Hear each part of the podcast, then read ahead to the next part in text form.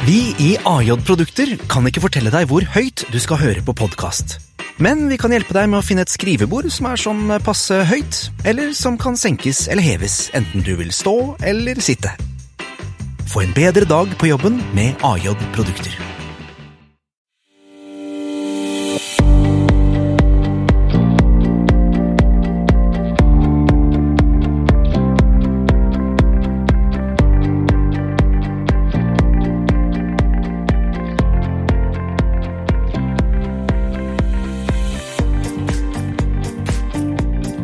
Hei og velkommen til Skifters podkast. Ukens gjest er sjef for et selskap som ble etablert i 1647, men som samtidig ble, kåret til Norges mest innovative selskap. Velkommen konsernsjef i Posten, Tone Ville. Takk for det. Altså, du har vært konsernsjef siden 2016, stemmer det? Ja, det stemmer. Og eh, hva, liksom, kom du rett inn i Posten som konsernsjef, eller var du i selskapet først? Nei, jeg var i selskapet først. Jeg har vært i Posten siden 2006, faktisk. De siste fire årene som konsernsjef. Før konsernsjefjobben som CFO, og før det igjen så jobbet jeg med forskjellige ting i postvirksomheten. Ja, så CFO. Altså, eh, det er ofte sånn at man, vi spøker ofte med at CFO-er er liksom ikke de som driver mest innovasjon. De er, de er mest opptatt av pengene. Mm. Eh, hvordan, eh, har, altså, hvordan har det vært hvordan har det vært å kombinere den derre altså, kanskje den ansvarligheten, økonomiske ansvarligheten og det økonomiske perspektivet med det å jobbe med innovasjon?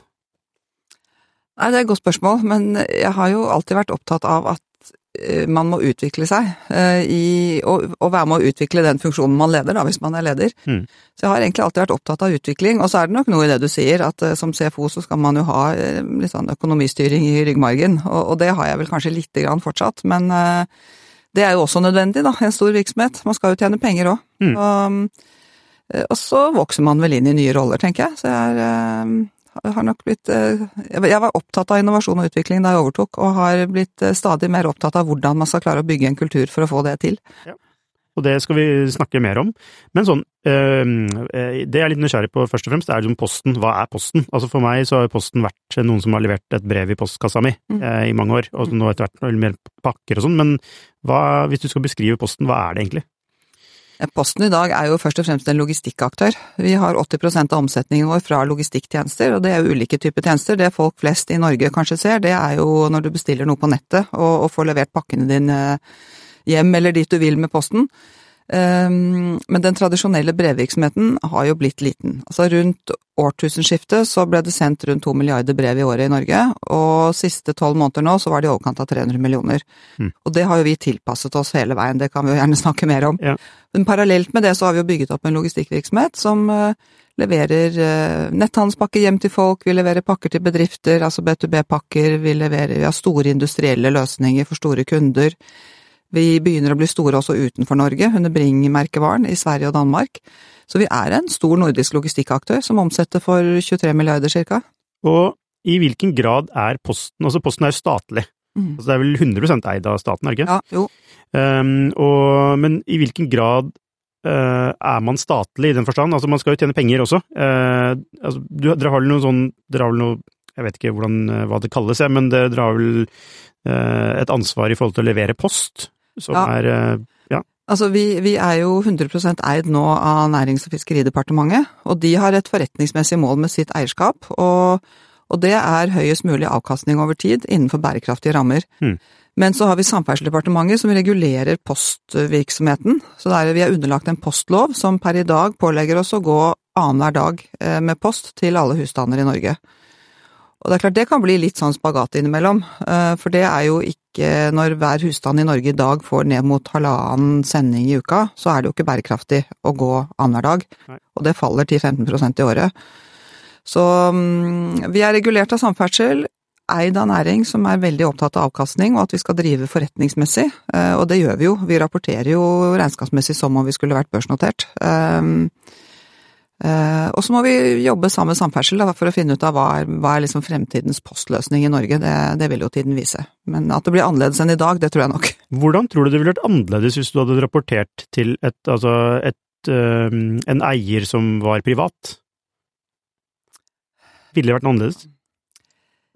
Jeg, ikke så lenge vi er underlagt den postlovgivningen, kanskje. Det er klart Hadde vi vært børsnotert med mange eiere, så hadde det vært noen ting som var annerledes, men eh, eierskapsavdelingen i Næringsdepartementet er jo veldig profesjonell i forhold til å følge opp oss på ut fra liksom et finansielt ståsted, da. Ja. Um, så um, Ja, for det jeg sikter litt mot, er jo Altså, man har jo en en eier som kan tenke langsiktig. Mm. Ja, ja. Eh, ikke sant? Altså, børsnoterte selskaper er jo styrt fra kvartal til kvartal. Ja.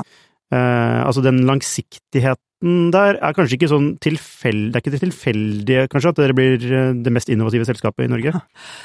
Nei, du kan si altså ehm, Jeg opplever nok at vår eier også er ganske utålmodig på å se resultater, men det er klart det er ikke det samme presset fra kvartal til kvartal som hvis man er børsnotert. For det, og det er jo noen dilemmaer, kanskje særlig i de krevende tidene vi står i nå, mellom å satse på det som gir langsiktig konkurransekraft, og samtidig levere tilfredsstillende på kort sikt. Mm. Og det står man kanskje enda sterkere i hvis man er børsnotert og har liksom det der kvartalsjaget på en måte over seg, da. Ja. Selv om vi har litt av det vi òg, altså, men kanskje i litt mindre grad. Det kan nok hende. Um. Og hva, altså Det har sikkert vært noen diskusjoner om det, men eh, hva tenker du rundt altså det prinsipielle rundt at staten driver et altså et relativt helkommersielt selskap? Uh, kan det være på en måte problematiske ved det? Tja, det er et godt spørsmål. Jeg tror at for Postens del, hvis man skulle hatt en annen type eierskap, så måtte man ha kommet i mål med hva som skal være fremtidens postløsning, kall det det, da, mm. og, og, hvordan staten eventuelt skal betale for den.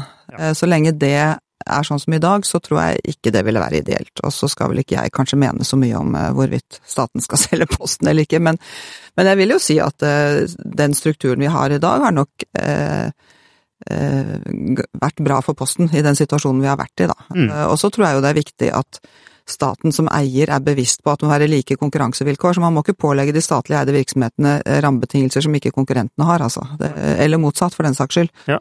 Det må være like konkurransevilkår. Ja, det har ikke alltid vært det. Jo, men man hører jo mye snakk om at det er andre forventninger til statlig eide selskaper, og det er jo forståelig og bra på noen måter, men man må sikre at ikke det er, er forventninger som driver kostnader som gjør at man ikke blir konkurransedyktig. Mm. Eh, årtusenskiftet, fram til nå, så har jo da brev, brev falt med da rundt 90 mm. eh, Og det har vært en eksplosjon i antall leveringer av pakker etc. Altså mm. netthandel har fått et skikkelig oppsving. Mm. Uh, samtidig så kommer det mange nye aktører. Altså det er et helt nytt konkurransebilde, og det med helt nye verdiforslag. Mm. Uh, nye forretningsmodeller.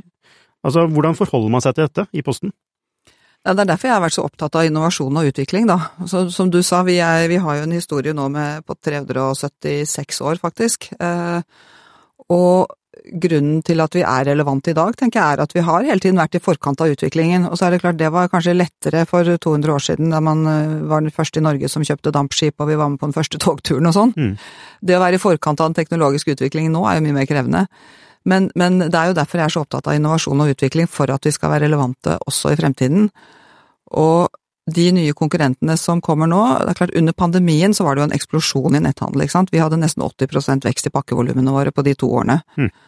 Og da kom det også mange nye aktører, og de har nye verdiforslag. De har ikke noe legacy i form av IT-systemer eller noen ting, så de kan drive på en helt annen måte. Um, samtidig så er jo vi landsdekkende, og vi har et robust og solid tilbud. Det er det mange kunder som setter pris på. Eh, også må vi ta inn over oss, og det har jeg jobbet mye med å kommunisere rundt, og vi må jo ta inn over oss at vi må forstå hva disse nye konkurrentene tilbyr, og vi må forstå at det skaper forventninger hos kundene våre til prisnivå, til type tjeneste. Um, så det er jo med å, å liksom gi et ekstra spark bak, da, når det gjelder viktigheten av innovasjon og utvikling. Det vil jeg mm. si. Ja. Uh, ja, for du, du, har jo altså, ikke sant, type Når det kommer da sånne oppstartsselskaper som er uh, backa av uh, sånn PE-fond eller venture, um, altså penger. Mm. altså, hvordan, hvordan, ser dere på det? Altså, er det Dere er statlige, dere har jo en gitt altså, altså, jeg vet ikke hvordan det fungerer, men er det vanskeligere å være statlig en eh, altså statlig backet aktør i et sånt bilde?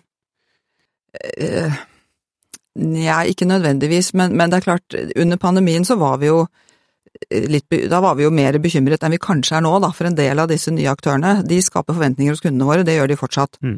Da, eh, En del av de er jo eid av veldig pengesterke fond, eh, og hadde veldig ambisiøse planer. Eh, Vi har ikke samme tilgang til ny egenkapital som de har, og så har vi jo en solid balanse i utgangspunktet, men det er klart vi har ikke, hvis vi har lyst til å kjøpe et selskap som er verdsatt til 15 milliarder, så har ikke vi penger til det, da må vi gå til vår eier, og der sitter nok eh, Det, det kan nok være, vi har ikke prøvd det, men det kan nok være litt mer krevende enn i, en PE-verden, da. Mm. Samtidig så har vi jo veldig mye robust kompetanse, flinke folk, solid drift, eh, folk som er innstilt på å være med på endring, så hvis vi liksom klarer å knekke koden og få til de nye gode løsningene, så kan vi skalere de ganske fort til å bli landsdekkende, og det er et bra verdiforslag. Men det har jo skjerpet oss veldig, den konkurransen, og det kommer det til å gjøre fremover òg, og det tror jeg er bra. Jeg tror konkurranse er bra. Mm. Ja, det er jo bra. Eh, For, I hvert fall for sluttkunden. Mm. Eh, og så er det jo noen som eh, Altså, altså det, det, det skaper jo bedre tjenester, totalt sett. Ja, Også, ja. Men, men, men det er jo ikke, det er ikke alltid gøy å ha konkurrenter som er veldig flinke.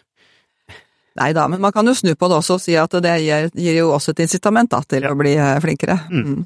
Men du, du har nå vært eh, konsernsjef siden 2016. Hva er det du har lært disse årene? Altså, hva er det du gjerne skulle ønske du visste eh, for eh, syv år Mm. siden, da? Mm. Um, ja, godt spørsmål. Eh,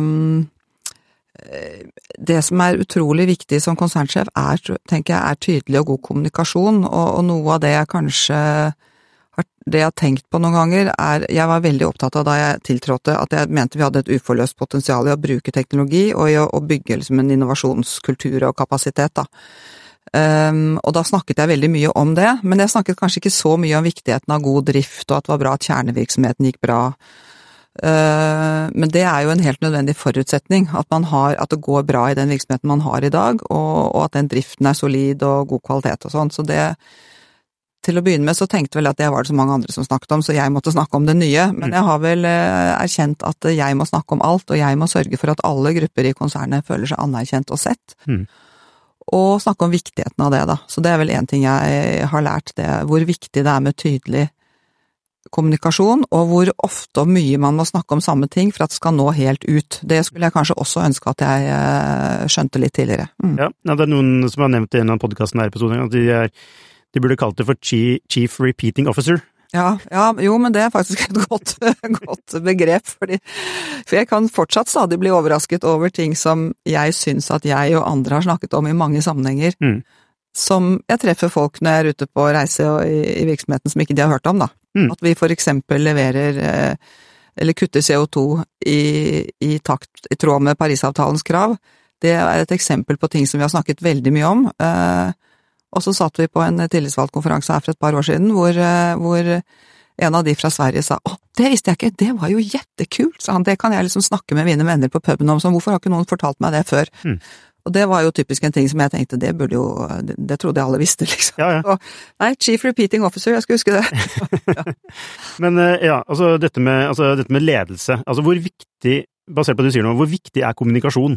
Ja, det er kjempeviktig. Er det liksom sånn topp to?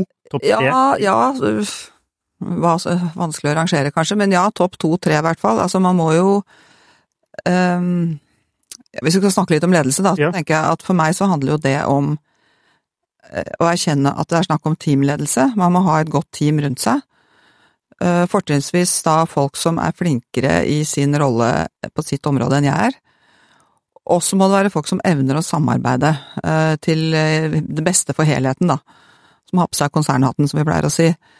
Um, og så blir det jo viktig for både meg og de andre i ledergruppen å være tydelig på eh, visjon og retning og hvor skal vi.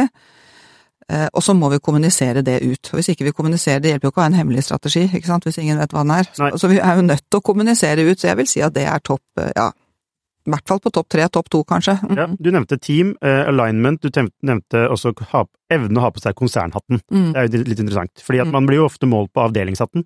Ja, ja, ja. uh, men, Ja. så, men, men altså helhetsperspektivet er jo det, er jo det viktigste. Ja.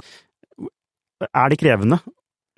Ja, jeg syns det har vært litt krevende. Eh, Vi har jobbet mye med konsernledelsen som team. Jeg tror ikke det er noen team som liksom setter seg sånn helt automatisk, på en måte, men eh, Og så kan jo ulike virksomheter ha litt ulik struktur, da. Vi er jo på en måte et integrert konsern hvor, hvor vi er helt avhengig av at det samarbeides godt på tvers av både divisjoner og med støtte fra konsernstabene. Um, vi har endret litt sånn hvordan vi måler og følger opp på noen områder. Uh, konsernledelsen har veldig mye felles mål. Det tror jeg er viktig, da. Ja.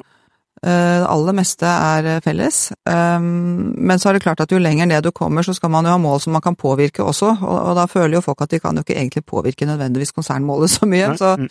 så det må jo være en balansegang. Men det å få et team til å fungere og tørre å være åpne og diskutere vanskelige ting, eh, og klare å konkludere til det beste for helheten, når det kanskje ikke alltid er til det beste for egen enhet, det er jo en prosess, altså, som eh, man aldri blir ferdig med, tenker jeg. Har eh, teamet ditt alltid vært veldig Altså, har det funket optimalt til enhver tid? Eh, nei, ikke til enhver tid, det ville vel være å lyve å si det, men det har, nå syns jeg det fungerer veldig godt. Og så har vi jo hatt noen utskiftninger uh, underveis som uh, Hva er, utfor, hva er ofte utfordringen når det ikke fungerer? Er, noe, er det sånn noe som går igjen der? Ja, det kan jo være flere ting, men det, det kan jo være at noen bare er opptatt av sin egen enhet, og at uh, da blir det lagspillet litt vanskelig, fordi man vil helst ha liksom alt hos seg og, og har ikke lyst til å bruke ressurser hos andre. Det kan være. Og så kan det jo være innimellom at det er andre forhold, da, om det er uh, evnen til å kommunisere, hvordan man håndterer folk under seg, altså det kan jo være mange ting som gjør at det ikke fungerer optimalt, men uh, men akkurat det derre evnen til lagspill er superviktig. Er det, når du skal da ansette en konserndirektør, er, er det det du ser etter? Ja, det er i utgangspunktet det. Altså, det må jo være noe faglig i bunn, ikke sant. Men det er jo mange flinke folk der ute som Ja. kan det fagområdet, i hvert fall Mm. på en del områder, da. Mm. Så, så gitt at det er på plass, så ser jeg etter de personlige egenskapene. At jeg tror at folk kan samarbeide, at, eh, at de har eh, god vurderingsevne og dømmekraft. Eh, for mange av de sakene som kommer opp, de er jo ikke helt sånn svart-hvitt, ikke sant. De, de enkle sakene hvor du kan sette to streker under svaret, de er jo normalt løst før de kommer opp på vårt bord. Mm. Så det å evne å se en sak fra flere sider og, og vurdere og konkludere, det er viktig. Og så er jo ikke det alltid like lett å vurdere på forhånd, det må jeg jo innrømme, men Ja. jeg gjør så godt jeg kan Ja, med hjelp av de som hjelper meg med det. Ja. Men jeg ser vel så mye etter de personlige egenskapene som etter det faglige, for det er det mange som har, og det må jo ligge i bunn, selvfølgelig, da. Men, Mm.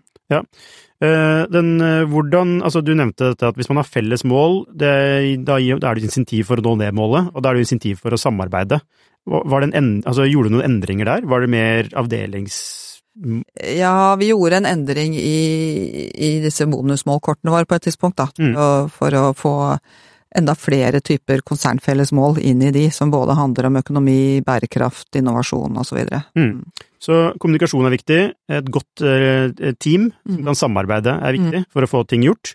Eh, hvilke andre ting er viktig for å Ja, og så var det det med felles mål, da. Og så tror jeg at strategi er jo viktig, altså at vi jobber sammen med det, og at man gjennom det har eh, et felles mål for konsernet. Hva?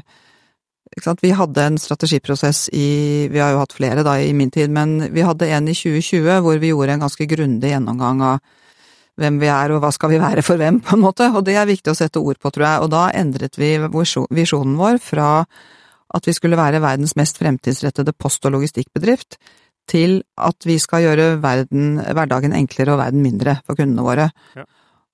Fordi vi, vi kom til at vi må ha en litt mer sånn utenfra og innsyn på oss selv, Ja, ja. enn innenfra og ut. Det er et kundesentrisk eh, Og det da. tror jeg var veldig bra. Altså, det var sikkert riktig da vi sa at vi i sin tid skulle være verdens mest fremtidsrettede postvirksomhet, det tror jeg faktisk vi er, men, men så har jo verden endret seg.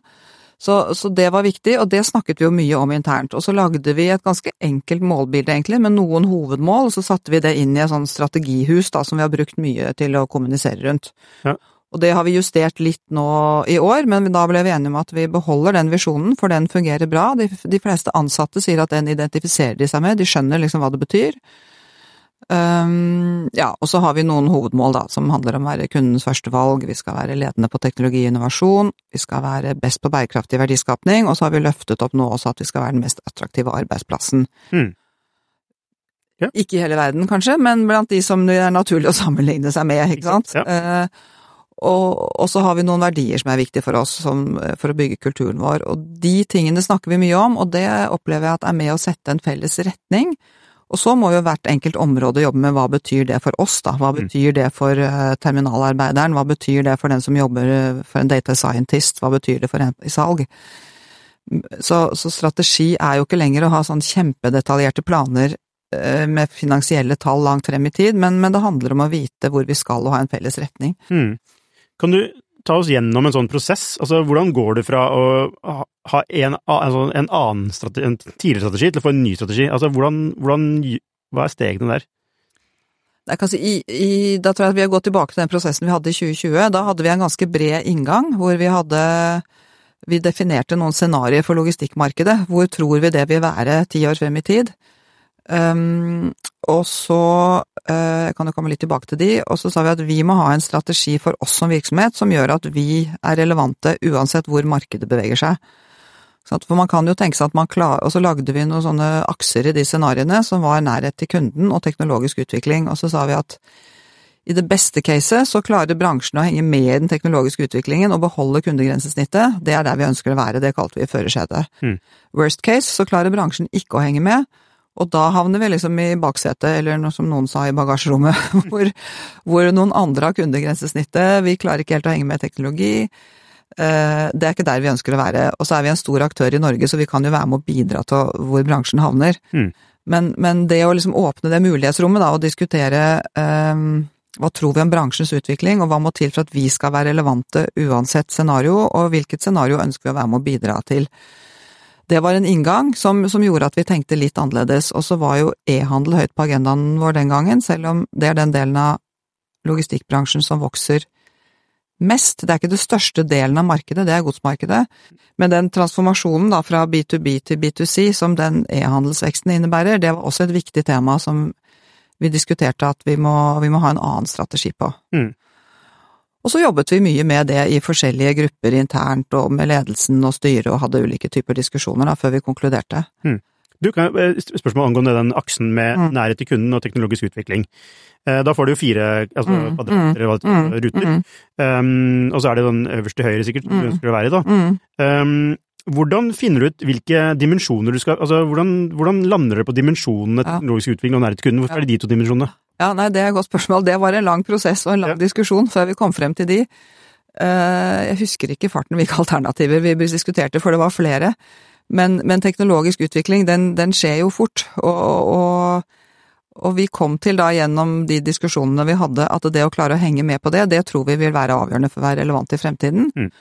Og det med nærhet til kunden, eh, det diskuterte vi også en del, for i en B2B-virksomhet så er det jo bedriften som er kunden, avsenderen som betaler, og mottaker. Mm. I en B2C-virksomhet som vi har mye av, så er det jo også bedriften som avsender som er den betalende kunden.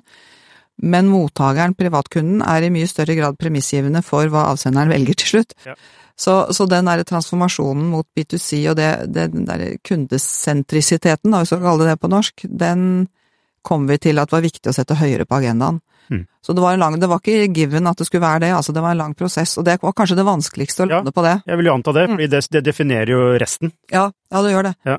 Og så har det liksom vært med oss litt mer i ryggmargen etter hvert, altså den prosessen vi hadde nå i det året som har gått, den har vært Da har vi sagt at vi syns egentlig vi har en god retning, men vi må se om det har skjedd noe rundt oss som gjør at vi bør endre. Mm. Så vi har ikke hatt en like omfattende prosess i år, for det syns vi ikke var nødvendig. Nei, Så du har disse, disse dimensjonene og disse, altså disse ulike scenarioene, eh, og så ønsker man å handle et, et, et scenario, mm. eh, og, så, og, så, lager man en, en plan da, for å havne mm. i den. Um, og du nevnte da netthandel var booming på det tidspunktet, så da ble det en naturlig eh, eh, altså en naturlig ting å bake inn. Mm. Eh, og da tenker jeg det er, en, det er jo en trend som skjer akkurat nå. Ja. For eksempel en annen trend som skjer akkurat nå, er for eksempel AI, ikke sant? Ja, ja, Eller er det, er det riktig? Ja, ja, ja, absolutt. Ikke sant? Så hvis du skulle, skulle lagd en ny strategi nå, så kunne du godt beholdt i de dimensjonene, men så bare okay, hva, er hva er det viktigste som vil påvirke tiden fremover, som vi ser nå? Ja, og det er jo noe av det vi har diskutert i den prosessen vi har hatt i år, da. Har det skjedd noe siden sist som gjør at vi bør justere den kursen noe? Ja. Og, og, teknologisk utvikling skjer jo lynraskt og raskere enn noensinne, så, så vi har en En annen, eh, hva skal du si, digital strategi, det er kanskje ikke riktig ord, for det, jo, det er jo en integrert del av det hele, men, men, AI er jo på agendaen. Nå har vi sagt at vi må i, i mye større grad bli en datadrevet virksomhet. Vi har begynt å jobbe med en AI-strategi. Foreløpig har vi sagt at, bare for å ta det eksempelet, da, at eh, vi må jobbe frem en AI-strategi, men mens vi gjør det, så må vi allikevel komme i gang med å teste ut hva kan AI bety for oss, og vi har laget noen sånn retningslinjer, og vi har laget en sånn enterprise, satt, fått på plass en sånn enterprise-løsning som gjør at eh, de dataene folk laster opp, de blir liksom inne i et sånt lukket rom, og ikke, ikke ja. ut overalt. Det kan mm. godt hende det er noen data man burde dele. Dere, dere begynner med første steget i AI, det er å fange data? Vi begynner med første steget, ja, og vi har jo gjort mye for systematisering av data allerede. Vi har mye øh, er i ferd med å fase ut nå de siste av de tunge stormaskinsystemene våre. Vi har mye data i sky, vi har blitt mye bedre på systematisering av data. Men hvordan skal vi bruke de, da, og hvilke mulighets handlingsrom og mulighetsområder er det i en stor virksomhet som vår? Det må vi jo få eh, folkene våre til å hjelpe til å finne ut. Jeg kan ikke sitte et lite team på topp og finne ut alt det. Så, så, vi har fått på plass en enkel, eller jeg vet ikke om den er enkel, men i hvert fall en sånn enterprise-løsning da, som ja. gjør at vi har kontroll på de dataene som folk laster opp. Det, og, og, det kan godt hende på sikt at det er noen data man skal dele med noen, men det må vi liksom finne ut av først. Mm. Eh, så det er et eksempel på Vi har løftet opp noen nye temaer nå, og det å bli mer datadrevet er jo et av de. Ja. Cybersecurity er viktig, kanskje viktigere enn noensinne. Um, og så skal vi ekspandere og bli mer solide utenfor Norge, for vi ser at det er også en trend at uh, mye av de internasjonale pakkevolumene kommer inn til Norge via Sverige. Beslutningstagerne sitter utenfor Norge, ja. ser i mye større grad Norden som ett marked, for at vi skal få de kundene da i Norge, så må vi også være gode nok i Sverige. Og vi er ganske gode i Sverige, men vi er ikke gode nok, så det må vi jobbe videre med. Ja, og hvis, For å dra den helt ut, da tror du på sikt så må man tenke mer globalt? Ja, det er, det er et veldig godt spørsmål. Det er jeg litt usikker på. Hvis du hadde spurt meg for uh, før invasjonen i Ukraina, så ville jeg kanskje sagt ja. Nå er jeg litt mer usikker på det. Altså, jeg, man må jo tenke globalt, jeg tror det fortsatt, men jeg tror at man kanskje i enda større grad må tenke regionalt. Mm. At mer kommer til å skje regionalt, at man kommer til å ønske å være mindre avhengig av, eh, av ting som skjer i, eh, i eh, andre deler av verden, hvor det kanskje er andre typer regimer enn de vi liker å identifisere oss med. Ja, jeg bare tenker, se for meg altså nettbutikker, da. Mm. Hvis, de, hvis, nettbutikker i større grad Altså, nettbutikk er jo basically en butikk som du kan uh, få tilgang til fra hvor som helst i verden. Mm. Mm. Så, så, det er mange nettbutikker som utvider internasjonalt. Mm. Uh, starter i Norge, og så utvider internasjonalt. Um, så hvis, hvis, hvis, det blir en trend, at, tenk, at de tenker mer globalt. Ja, de, de norske nettbutikkene, tenker ja. jeg. Ja, mm. Det hadde jo vært veldig spennende å være med på, selvfølgelig. Og, og jeg tror vi, vi, har jo virksomhet eh, eh, Vi har en god del virksomhet i Sverige, Danmark og litt i Finland, og så har vi litt virksomhet i en ti-tolv andre land for å hjelpe nordiske kunder med vareflyt inn og ut av Norden. Jeg tror ikke vi kommer til å drive liksom last mile-distribusjon noe særlig, eller utenfor Norden, men vi, vi, kan jo finne partnere som kan gjøre det, og vi kan hjelpe kundene våre med vareflyt ut av Norge. Så, mm. så det syns jeg er spennende. Ja. Når jeg sa at jeg var litt skeptisk til global, å tenke globalt, så er det vel mer i forhold til eh, importen andre veien. Det er klart det er mye import fra Kina fortsatt, men det er mindre enn det var en periode. Men det er jeg ikke sikker på om vi har lyst til å være så avhengig av i fremtiden som vi har vært historisk. Mm.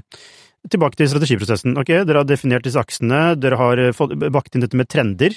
Hvordan, hvordan, går, dere, hvordan går, dere, derfra til eh, at dette blir Altså, hva er neste steg da? Er det ut og snakke med kunder, eller hva, hvordan gjør dere dette?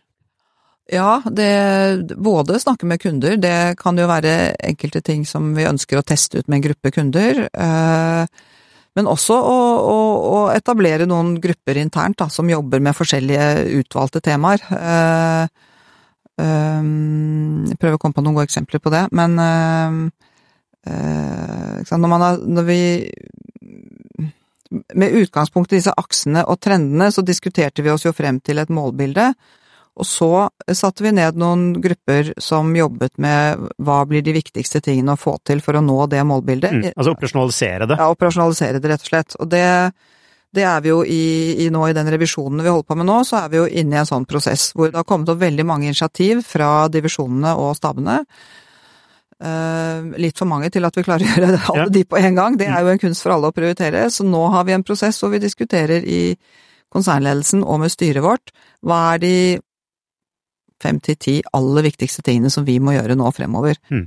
Uh, og da ser vi jo på det ut fra strategisk viktighet for å nå målbildet, ut fra resultatbidrag uh, osv. Så, så Så det blir jo en operasjonaliseringsfase på en måte da, som handler om å lage konkrete planer, og så tror vi at uh, det skjer så mye rundt oss nå, se bare på AI-utviklingen for eksempel. Eh, Eh, og også i kundeatferd. Så, så, jeg tror nok at vi årlig må sette oss ned og se om vi faktisk fortsatt har prioritert de riktige tingene. At man lager ikke sånne fem til tiårsplaner lenger, altså. Nei, og da er det sånn når du har operasjonalisert det, eh, og da altså, er det liksom å trekke ut da de fem til ti viktigste tingene. altså det er liksom, La oss si det, disse fem tingene her må vi lykkes med ja. hvis vi skal oppnå å havne i den øverste kvadraten. Ja, ja. Mm.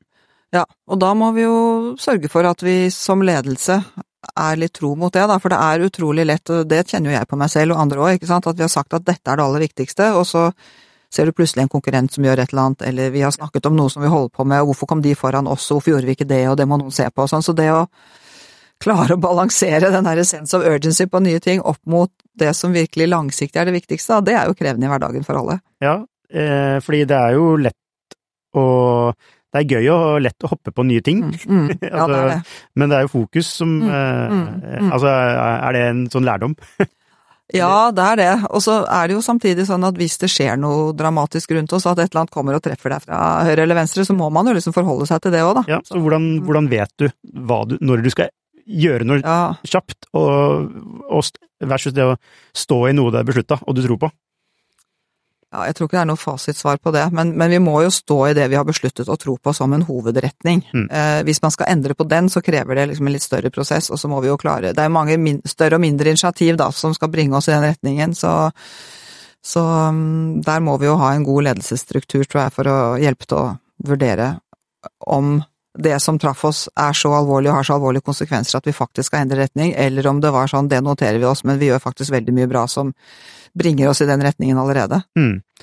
Um, eh, strategi det henger jo også sammen med kultur, altså, det er jo, og visjon. Det, det, sier jo noe om hva er, det, hva er viktig, hva, hva, er det vi skal oppnå? Uh, det, det, tiltrekker seg en typisk type mennesker som vil være med å oppnå den mm. visjonen. Uh, det har noe med, har verdier. Uh, som også definerer kultur. Altså, I hvilken grad tenker du at man kan definere kultur ovenfra? Eller sånn gjennom et sånt arbeid? I hvilken grad er kulturen der fra før? Det er jo en, alltid en kultur der av et eller annet slag fra før, og så tror jeg at hvis man skal definere en ny kultur Vi har jo jobbet med verdibasert ledelse i Posten i mange år før jeg kom inn i, i den type rolle hvor, det, hvor jeg var med å påvirke det, men uh, men vi gjorde en revisjon av verdiene våre også i den prosessen i 2020, og da gikk vi fra en litt mer sånn passiv form til en aktiv form, og sa at våre verdier nå, det er at vi tar ansvar, vi spiller på lag, og vi vil mer. Og det kom frem gjennom en ganske bred prosess som engasjerte ganske store deler av virksomheten, hvor vi sa at nå, nå har vi gjort noen endringer i, eh, i visjon og målbilde og hovedmål. Har vi den kulturen som skal til for å komme dit? Mm. Og hvis ikke, hva er det vi egentlig mangler i kulturen vår? Og da kom vi til at eh, Og det var en ganske bredt anlagt prosess, da, og det tror jeg er viktig i en stor virksomhet. Hvis man skal få til ting, så må man jo ha en felles virkelighetsforståelse. Eh, hva er egentlig problemet, hvorfor skal vi gjøre denne endringen? Og, og så få en felles forståelse for hva vi skal gjøre, og hvor vi skal. Um, så jeg tror ikke jeg kunne gått ut bare og sagt at nå skal vi endre kulturen vår dere fra A til B, og det betyr at verdiene må bli sånn. Det tror jeg hadde blitt en ganske tung prosess, men, men i og med at vi hadde den forankringen, og så snakket vi mye om det, hva betyr det å ta ansvar, hva betyr det at vi spiller på lag? Vi hadde en verdi før som et samhandling, så det er jo litt av det samme, ja. men den var blitt litt sånn forslitt, samtidig så måtte vi på en eller annen måte få til at vi opprettholdt den derre mm, tenke helhetsperspektivet, da.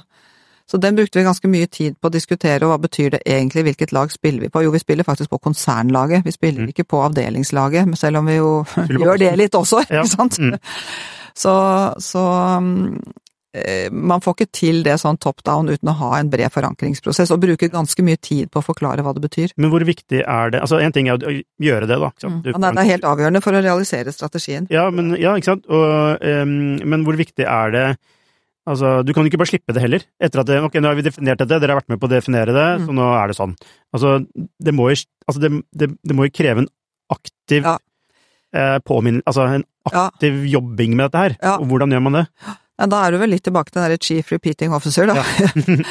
At uh, når både jeg og mine kollegaer i ledergruppen og lederne på nivåene under der igjen snakker om strategi og hvor vi skal, at vi minner om både bruker det strategihuset vårt der hvor verdiene står, og snakker om de, og at vi snakker om de uh, med jevne mellomrom når det er aktuelt, da. Og, og, så har vi jo mye sånn uh, visuelle virkemidler ikke sant, som henger rundt omkring og står rundt omkring på arbeidsplasser for å minne oss om det hele tiden. Og så er jo øh, Nå har vi ikke snakket så mye om ledelse sånn i vi-forstand, kanskje, men vi har jo snakket om toppledelse og teamledelse, men i en stor virksomhet som vår, da, så vi har jo 700 og et eller annet ledere, 12.500 ansatte, og mange av de ansatte er medarbeidere i drift som sjelden er innom arbeidsplassen sin. Mm.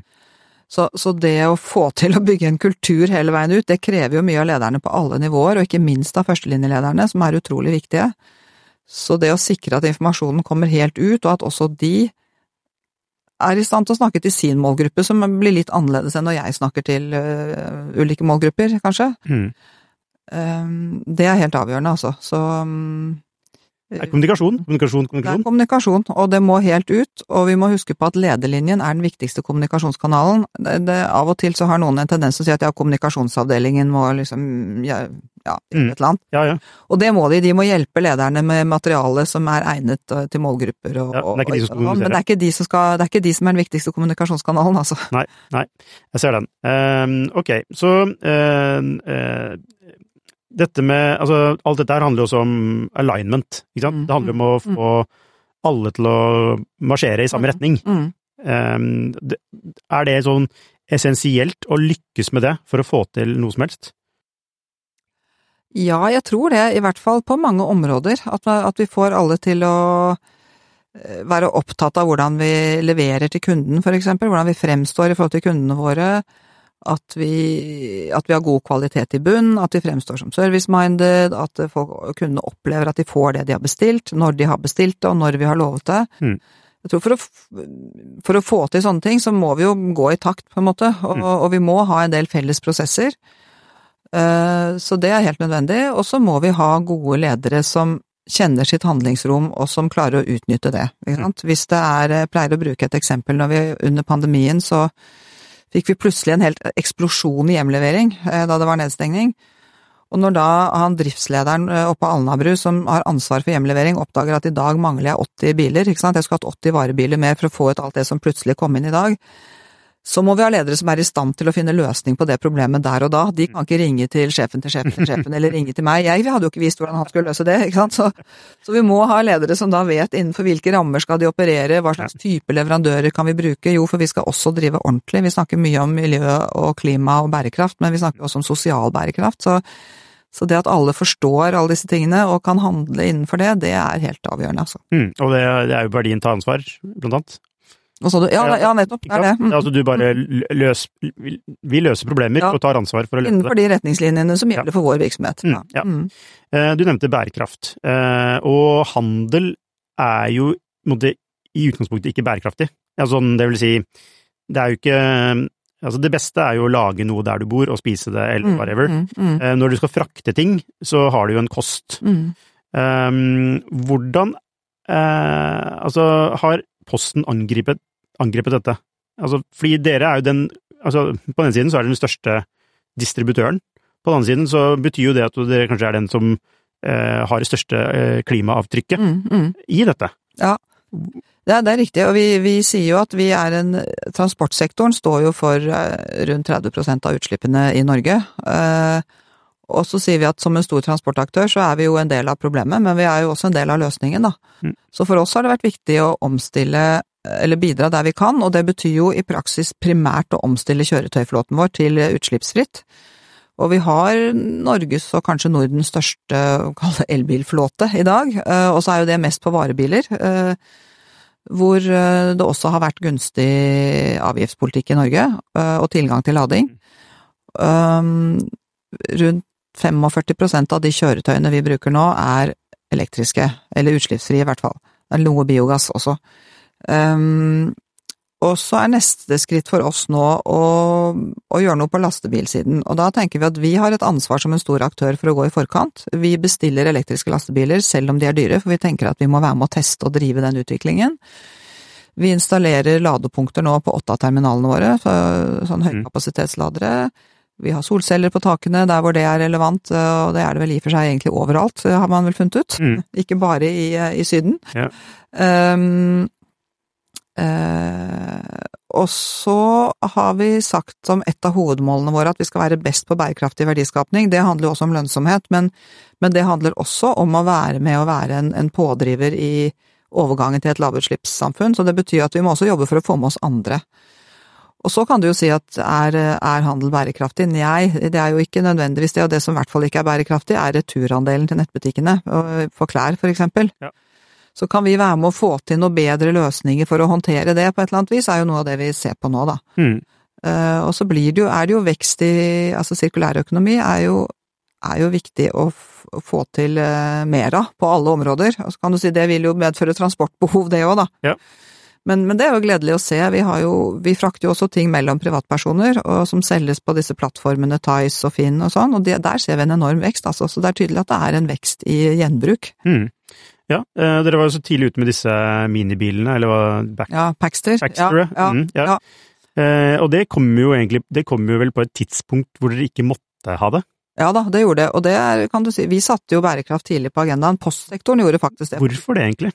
Jo, altså postsektoren internasjonalt satte dette på agendaen i 2008 var det vel, og sa at eh, vi er en, ja, en, en del av problemet, men også da en del av løsningen. Klima og miljø er viktig. Vi satte det på agendaen også i Posten, og begynte vel for alvor å jobbe med det sånn i 2009-2010. Anskaffet de første elektriske distribusjonsbilene i 10, ja, 10, 11, 12 en gang. Eh, veldig dyre og ganske dårlige. Veldig mye klager. Og, og, så testet vi ut masse forskjellige biler, og så tenkte vi at uh, her må vi være litt proaktive, og da tok vi initiativ til å utvikle denne Packsteren, da, sammen med, med Bård Eker, Eker, Design og Lloyd Industrier, så, som mm. nå heter Packster, ja. nede i Østfold.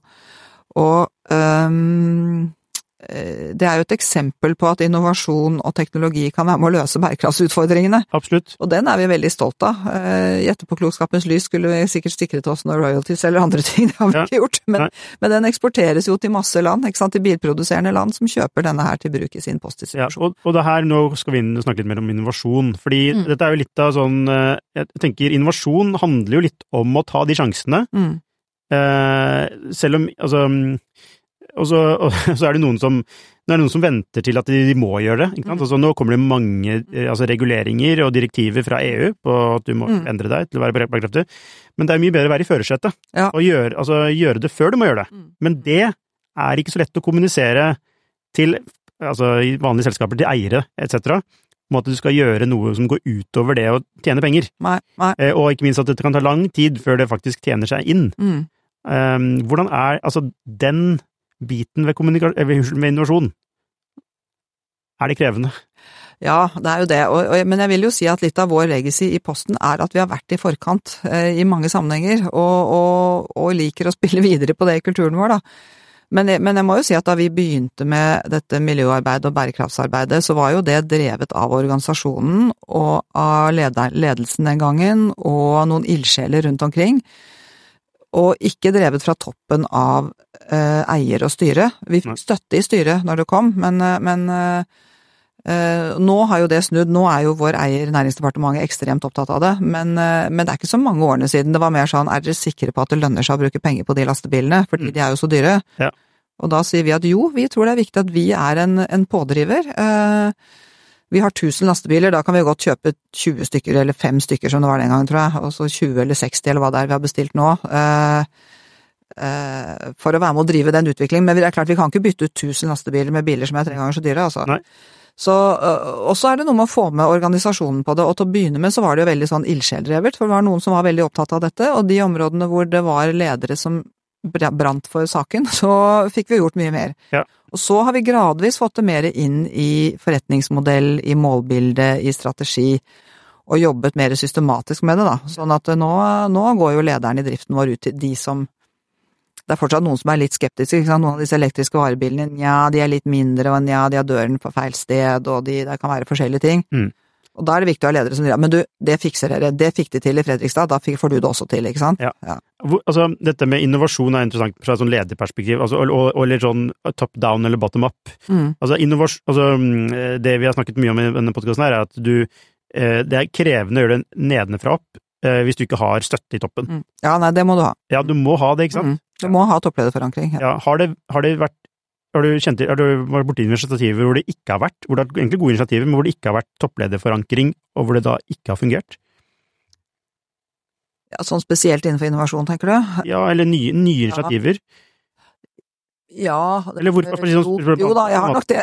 Prøver å komme på noen eksempler. Men jo da, vi har nok eksempler på at det har foregått utvikling et eller annet sted ute i strukturen som kanskje har vært forankret opp til et visst nivå, men som har krevd samarbeid på tvers og ikke hatt nødvendig forankring med de som da det var nødvendig å samarbeide med, eller som har gått under radaren min, for eksempel, sånn at eh, det, det var liksom ikke noen mulighet til å få noe forankring der heller, Nei. fordi jeg ikke visste om det. Så, men jeg tror for oss, når vi har lykkes med innovasjon, så, så har vi satt det høyt på agendaen. Eh, i, i eh, Det gjorde vi jo allerede i 20... Ja, Må det være koblet til den eksisterende strategien?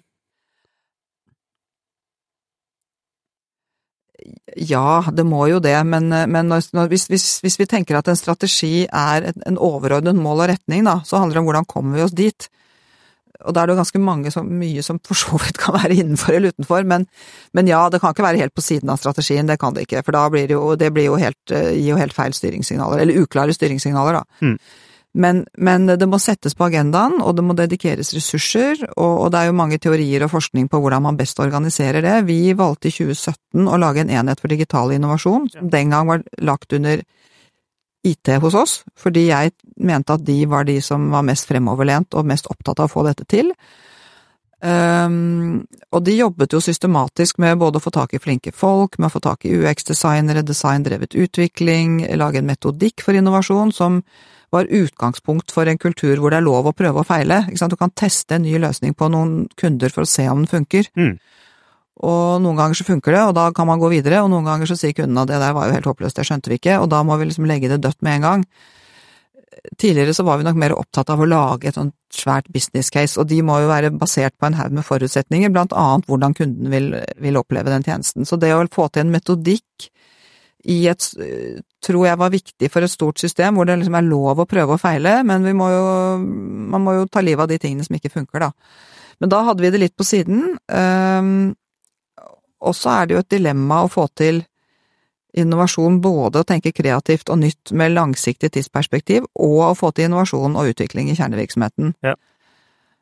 Så hvis en sånn enhet som er litt på siden skal lykkes, så må den ha en tett forankring inn mot kjernen, og det, bruk, det krever topplederforankring, altså. Ja. Ellers så er det not invented here og ut med en gang. Nettopp, ikke sant? Og det er, det er nok eksempler på store selskaper med en innovasjonsavdeling som ikke Mm. får innovert noe som helst. Mm, Eh, fordi det er, blir not invented here. Mm. Eh, det kommer de med masse løsninger, og det er mye gule lapper på veggene og workshops mm. som Mm. egentlig ikke ender i Det ender ikke noe som helst. mm. Eh, og det du sier der, med tett forankring til kjernen og toppledd hvor, viktig- hvor, viktig akkurat det der?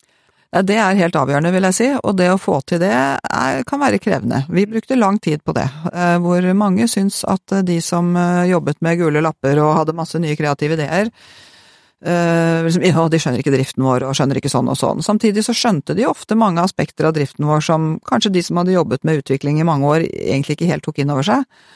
Så, så, men det, det tar tid å få sånne ting på plass, altså. Så det tok, eh, tok eh, et par år, i hvert fall. Men hvordan får Altså, hvordan snur du det tankesettet der? Hvordan, hva, hvordan knekker man den koden der? Ja, det vil si, det er jo jevnt og trutt arbeid og kommunikasjon det òg, som vi snakket om i sted. ikke sant? At jeg måtte være veldig tydelig på at jeg backet dette, og jeg mente at det var Ja, riktig. sant, nettopp. Så du måtte inn og faktisk legge inn Jeg måtte si at inn dette er viktig, og eh, vedkommende som hadde liksom, hovedansvaret for den enheten som dette inngikk i, var jo også veldig tydelig, og, og sto jo øh, støtt i det, selv om det tidvis var krevende. Um, og så må man jobbe da med å skape forståelse og forklare hvorfor det er viktig, og at det ikke betyr at ikke det andre vi gjør ikke er bra. Vi skal fortsette med det vi gjør som er bra, men vi må gjøre nye ting i tillegg. Så det er kommunikasjon og forankring og backing, altså. Sterk backing. Er det kun viktig i en sånn overgangsperiode? Er det sånn at nå så er det Nå går det, det fint? viktig. Eller er det sånn du må jobbe med hele tiden? Det er fortsatt viktig. Vi omorganiserte i fjor eh, etter å ha gjort et prosjekt for å se hvordan kan vi, kan vi også da jobbe mer sånn agilt og smidig, og særlig i utviklingsarbeidet vårt. Um, og da endte det opp med at vi har på tjenesteutviklingssiden vår nå, da, så har vi laget såkalt agile team, hvor vi har flyttet en del av IT-utviklingsressursene inn i teamene. Um, og ut fra IT-avdelingen. Og da gjorde vi også en endring på dette digitale innovasjonsmiljøet. Uh, så nå har vi en litt annen struktur, hvor vi også har, vi har en divisjon som vi har kalt Next, som har ansvaret for litt mer sånn langsiktig innovasjon, da, som også har en corporate venture-enhet.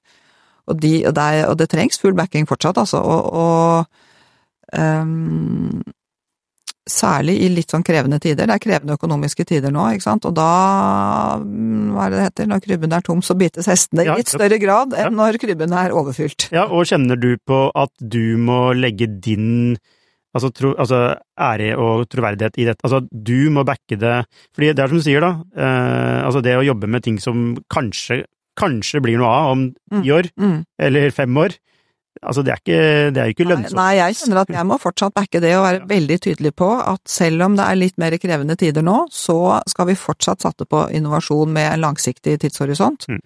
Kanskje satse litt mindre enn vi ville gjort hvis det hadde vært kjempegode tider, men vi må ikke glemme den langsiktige horisonten, altså. Men, men vi må selvfølgelig fortsette å videreutvikle kjernevirksomheten vår, for det er der det er jo der inntektsstrømmene kommer i dag, så det betyr jo ikke at vi ikke skal gjøre noe der, men det går liksom sin gang. Og der er det masse spennende ting på gang, så det å backe den derre langsiktige som ikke har payback med det første, det, det, er helt avgjørende, ellers så kommer det til å dø. Hvis man skal dele inn innovasjon i tre deler, da, så sånn veldig sånn inkrementell, sånn veldig tett mm. på kjerne, bare sånn, sånn produktforbedringer.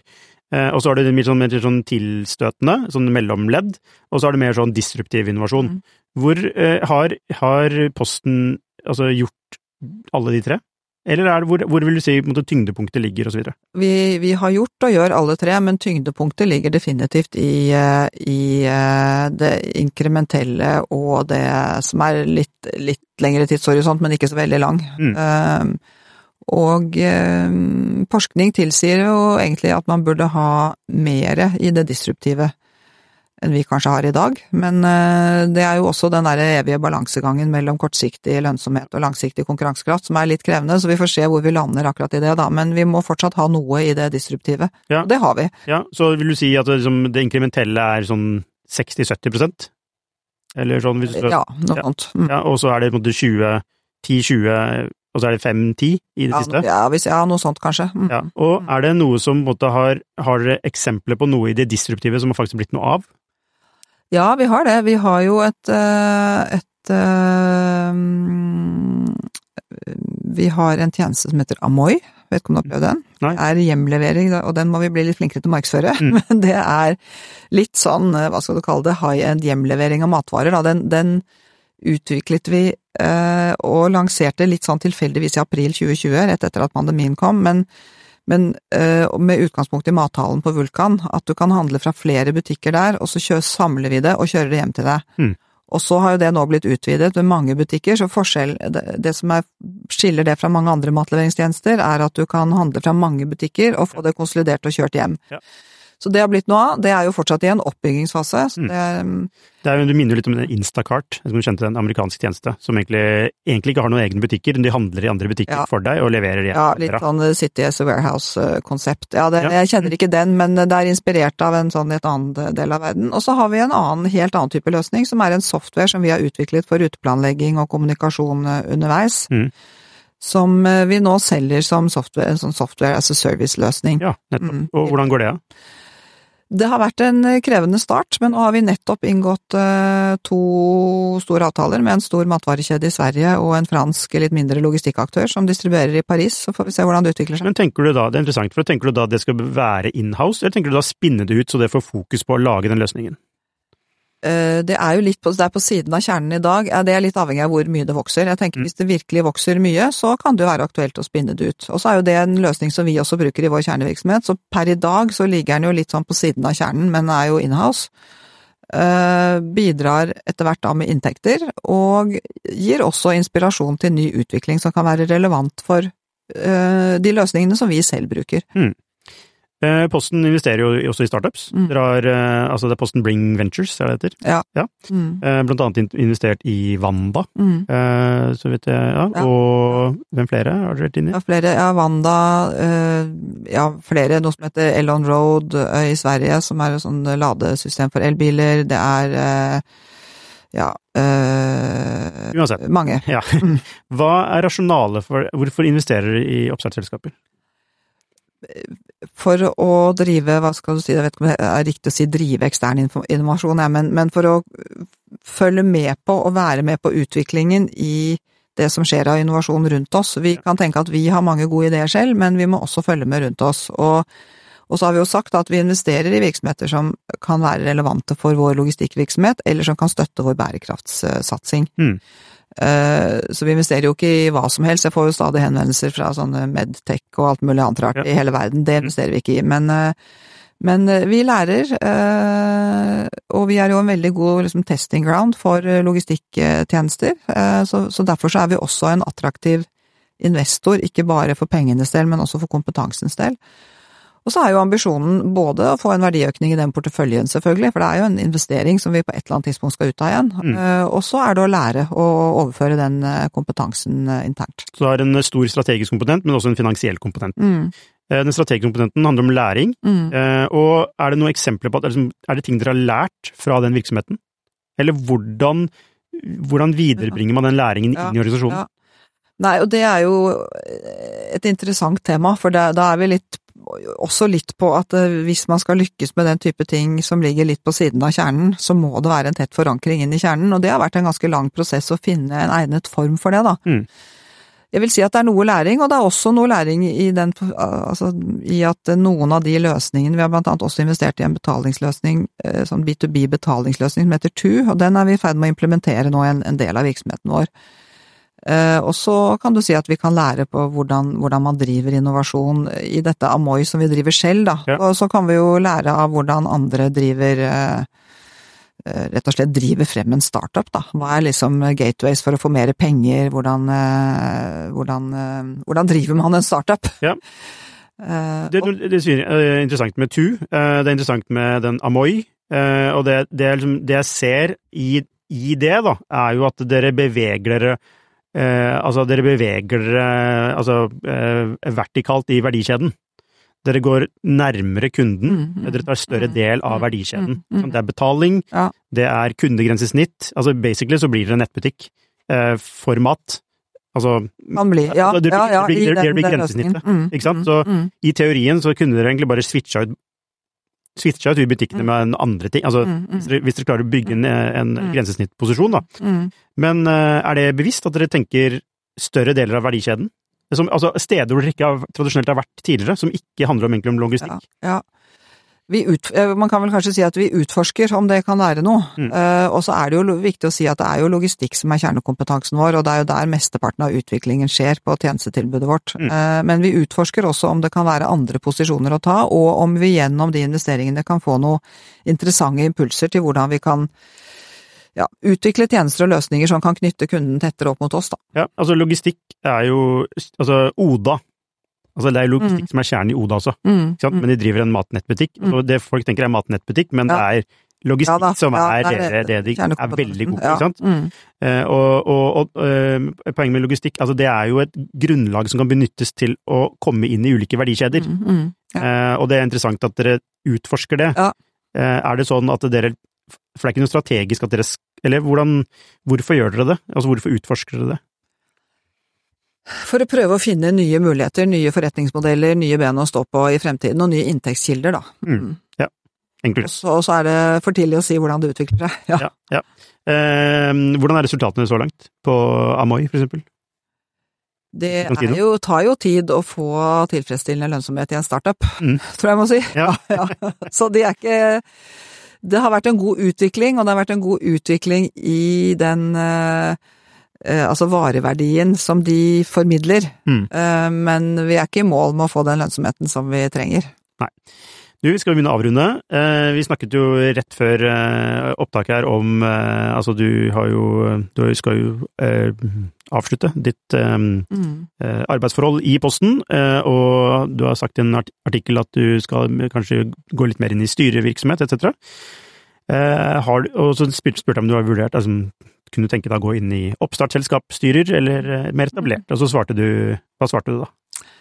Nei, begge deler, egentlig. Mm. Altså, det er klart min primære erfaring er jo fra store, komplekse virksomheter, eh, og jeg kunne godt tenke meg det det også videre. Mm. Men jeg syns jo at oppstart er veldig spennende, og jeg syns det er veldig spennende det innovasjonsarbeidet og den kulturen jeg syns vi har fått til i Posten, og det å jobbe med unge, flinke folk som har en idé og en drive og tenker selv og prøver å få til noe, det syns jeg er veldig gøy, så kunne godt tenke meg begge deler. Ja, så denne podkasten er det mange som hører på, eh, eller av, av den målgruppen.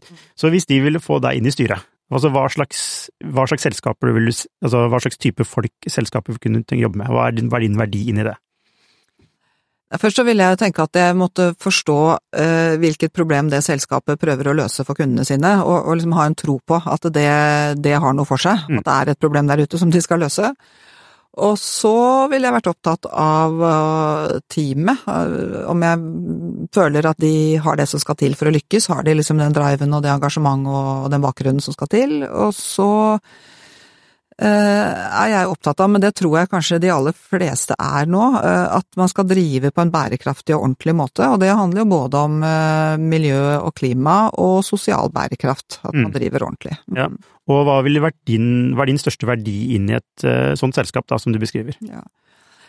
Jeg tenker jeg har jo lang erfaring som leder med å få gjennomført ting i kanskje heller store enn små organisasjoner, selv om jeg har vært innom mindre organisasjoner òg. Men jeg tror det er mye overføringsverdi i det, da, og kanskje særlig i en fase hvor man skal skalere opp litt. Hva, hva krever det å få et litt større system til å fungere, enn kanskje den aller første fasen hvor, hvor det er gründerne og, og noen få personer som gjør alt. Hvis man skal skalere opp, så må man ha litt annen type strukturer. Og så tror jeg god liksom, gjennomføringskraft og har en del perspektiver på ledelse som kan være nyttig, kanskje særlig i en sånn skaleringsfase. Ok, du, eh, Tone, det har vært veldig hyggelig å snakke med deg, nå i en time, nøyaktig. Eh, veldig spennende det du snakker om rundt innovasjon, topplederforankring, og ikke minst dette med kommunikasjon. Eh, og det høres i sånn, ja selvfølgelig kommunikasjon, men, men det er sånn, jeg får et inntrykk av at det virkelig er noe av det aller viktigste man kan gjøre for å skape alignment og eh, en fart fremover. Da. Ja. Ja, ja, det er absolutt det. Altså, man kan tenke at det er litt selvfølgelig, og når man leste dette i lærebøkene en gang i tiden, så tenkte det der var jo bare ord og helt selvfølgelig, men, men det er utrolig viktig. Man må ikke glemme viktigheten av tydelig kommunikasjon. La det være siste ord. Tusen takk, Tone Ville, og lykke til som eh, styremedlem i forhåpentligvis mange startups. Takk for det. Hei, hvis du likte denne episoden, så abonner på den, og gi den gjerne en femstjerners rating med dine tanker. Hvis du er interessert i temaene vi tar opp på denne podkasten, så anbefaler jeg deg å gå inn på skifter.no, og hvis du mener vi fortjener det, så kan du gjerne støtte oss ved å abonnere på Skifter. Takk for at du hørte på, så ses vi neste uke.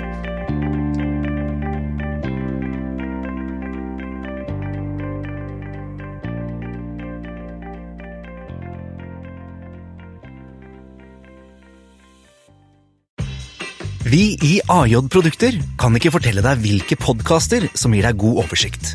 Men vi kan fortelle deg hva slags pallerioler som gir deg god oversikt. På et lager, eksempel. Få en bedre dag på jobben med AJ Produkter.